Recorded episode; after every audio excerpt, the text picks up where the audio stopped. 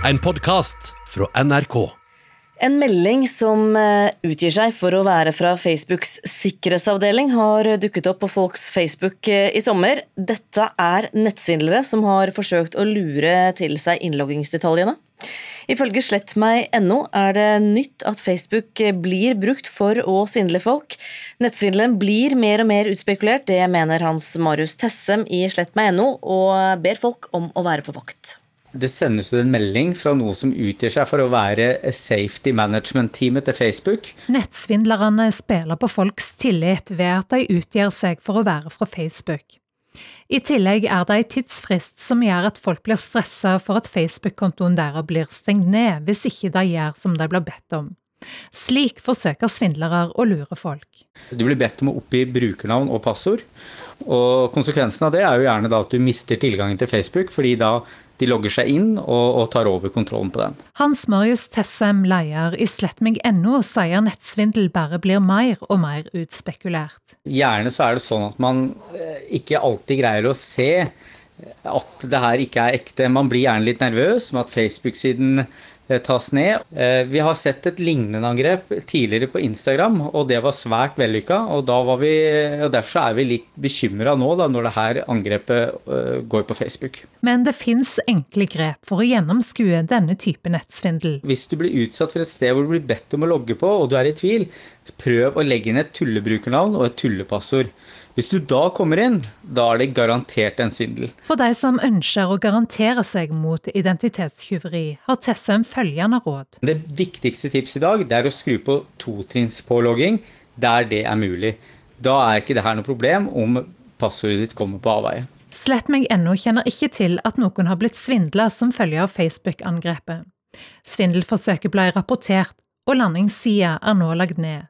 Men ifølge Tessem kan det snart dukke opp nye, lignende angrep, og han ber folk være på vakt. Det vi ofte ser, er jo at den dukker opp en ny versjon med en ny landingsside. Og så vil jo den da òg etter hvert bli tatt ned. Eh, men det er jo i det mellomrommet der, fra svindleren er sendt ut til den blir tatt ned, at det er viktig at folk da er oppmerksomme.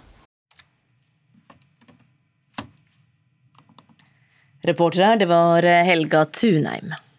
Jørund Heimholt eh, hos nettstedet Datahjelperne, god morgen. God morgen. Du hjelper jo folk med å avdekke svindelforsøk, eh, bl.a. på Facebook. Hva, hva, skjer hvis man klikker seg inn på denne type svindel-e-post eller, eller messengermelding vi hører om her? Nei, Det er forskjellige formål. Det er jo som sagt, det er ikke som sagt at de skal få tak i din personlige informasjon, for den har mye verdi. Og har, mange har lagt mye informasjon ut på Facebook som da kan eh, brukes videre. Du kan f.eks. sende ut legitime meldinger fra si at f.eks. er i nød, eller trenger hjelp, eller du må få overført penger fort. Det er veldig mange muligheter som kan brukes, da, siden de har fått tak i legitime kontoer i Norge. Mm. Men er det sånn at uh, du, hvis, hvis, de finner uh, og får tak i informasjonen din, vil de da umiddelbart begynne å, å bedrive svindelforsøk, eller kan de ligge og spare på dette over tid? Det kan nok være begge deler, men jeg tror ofte i hvert fall for er du skal få se bilde av deg selv, en video av deg selv, så blir du kjørt skript på Facebook-sida som får sendt ut en melding ut til samtlige venner, og da går det ut til alle kjempefort. Og det er sånn det spres da veldig fort, da først Facebook og andre som får tatt det ned. da. Mm. Du, du, nevnte det at... Da må de ta ned de falske profilene, og de må også da ta ned de falske sidene. altså Snakk om der det kjøres utenom Facebook. Mm.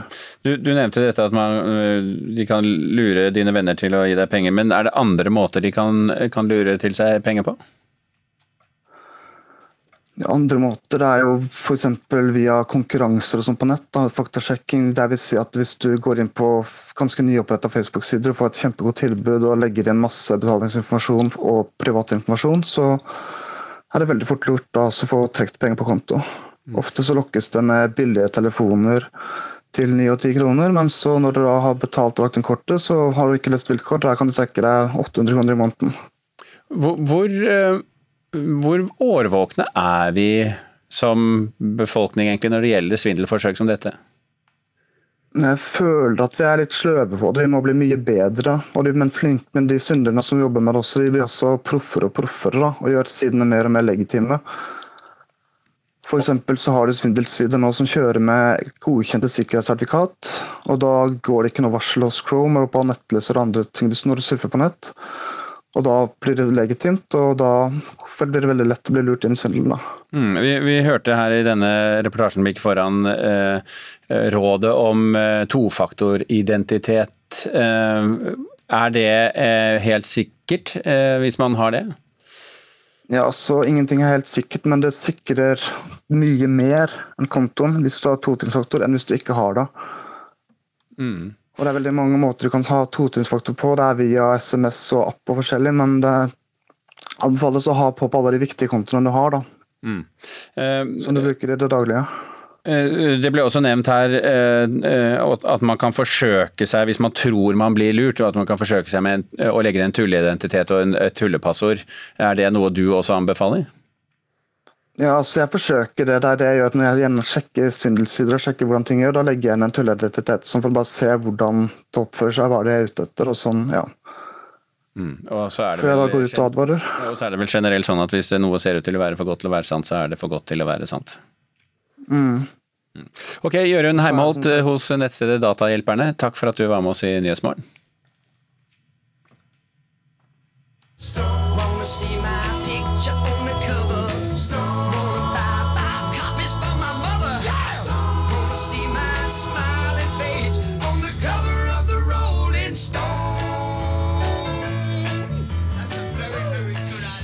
Kulturreporter Elisabeth Grøndal, velkommen i studio. Vi hører jo musikk her. Hva er det den skal fortelle oss?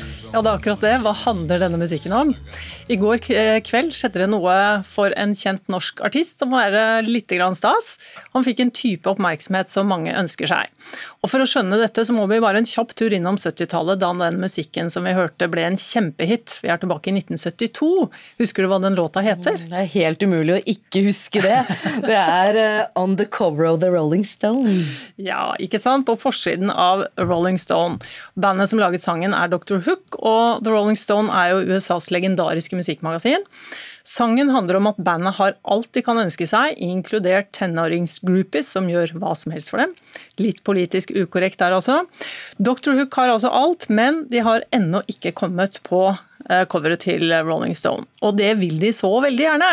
Sangen gjorde det veldig klart hvor stort det er å få denne forsida på Rolling Stone, og det er jo stort fortsatt. Du sa en norsk artist her. Eh, sier du nå da at vi har fått en norsk artist på coveret av Rolling Stone? Ja, Det hadde vært veldig gøy å si det, men det ville jo ikke vært sant. Så jeg skal ikke si det. Vi er ikke helt der. Eh, men det er en eh, De har, eh, de har lagt ut en stor featuresak på en norsk artist. Og i artikkelen finner du masse blodskryt av Norge. Og artisten, det er han som står bak denne musikken her. Oh, det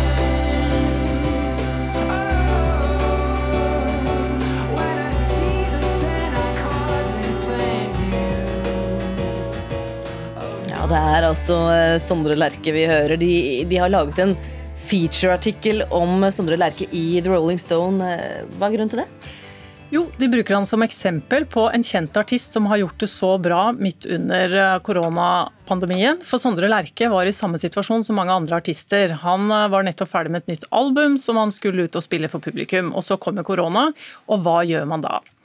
Sondre forteller til eh, Rolling Stone at han reiser hjem til Norge, og det er grunnen til at han har klart seg så mye bedre enn mange andre i musikkbransjen i USA.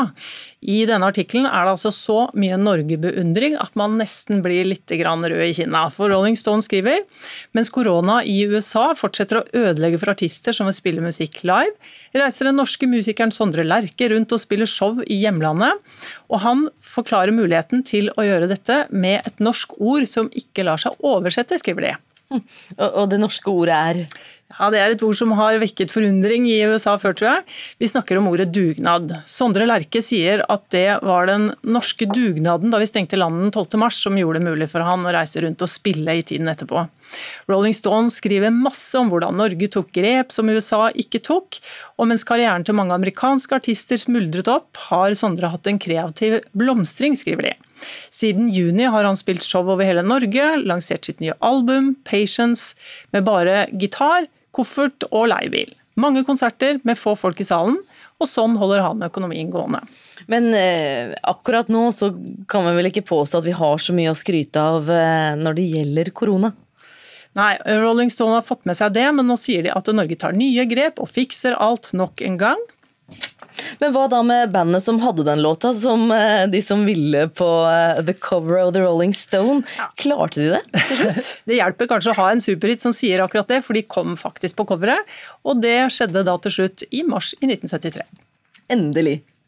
Takk skal du ha, Elisabeth eh, Grøndal, kulturreporter.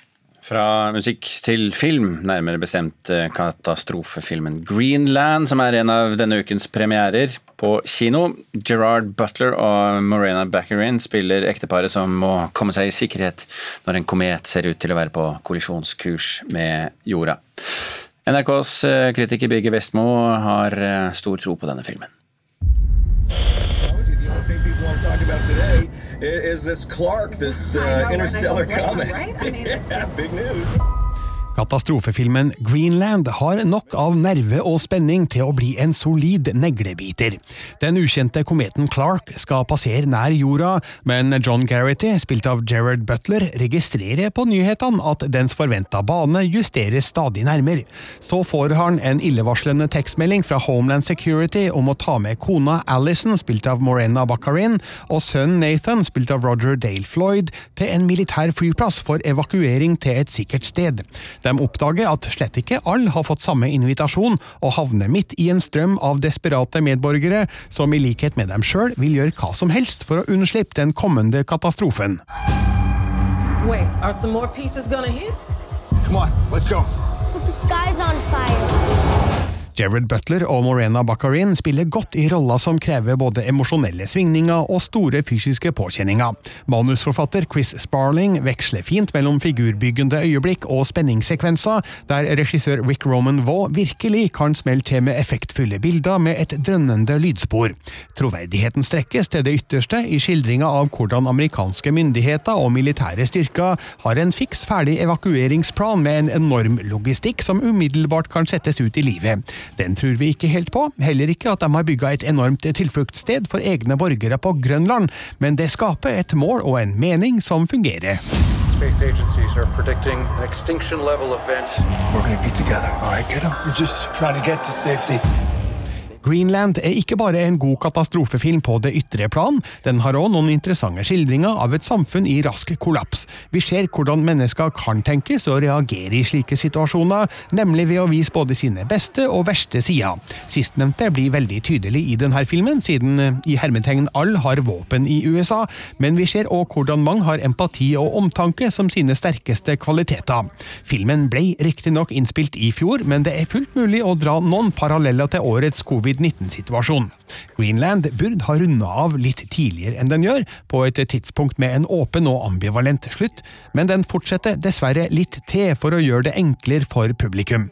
Det her er likevel en skremmende og engasjerende katastrofefilm for den som tør utsette seg for den. If you are hearing this broadcast, seek shelter immediately. Terningkast 4.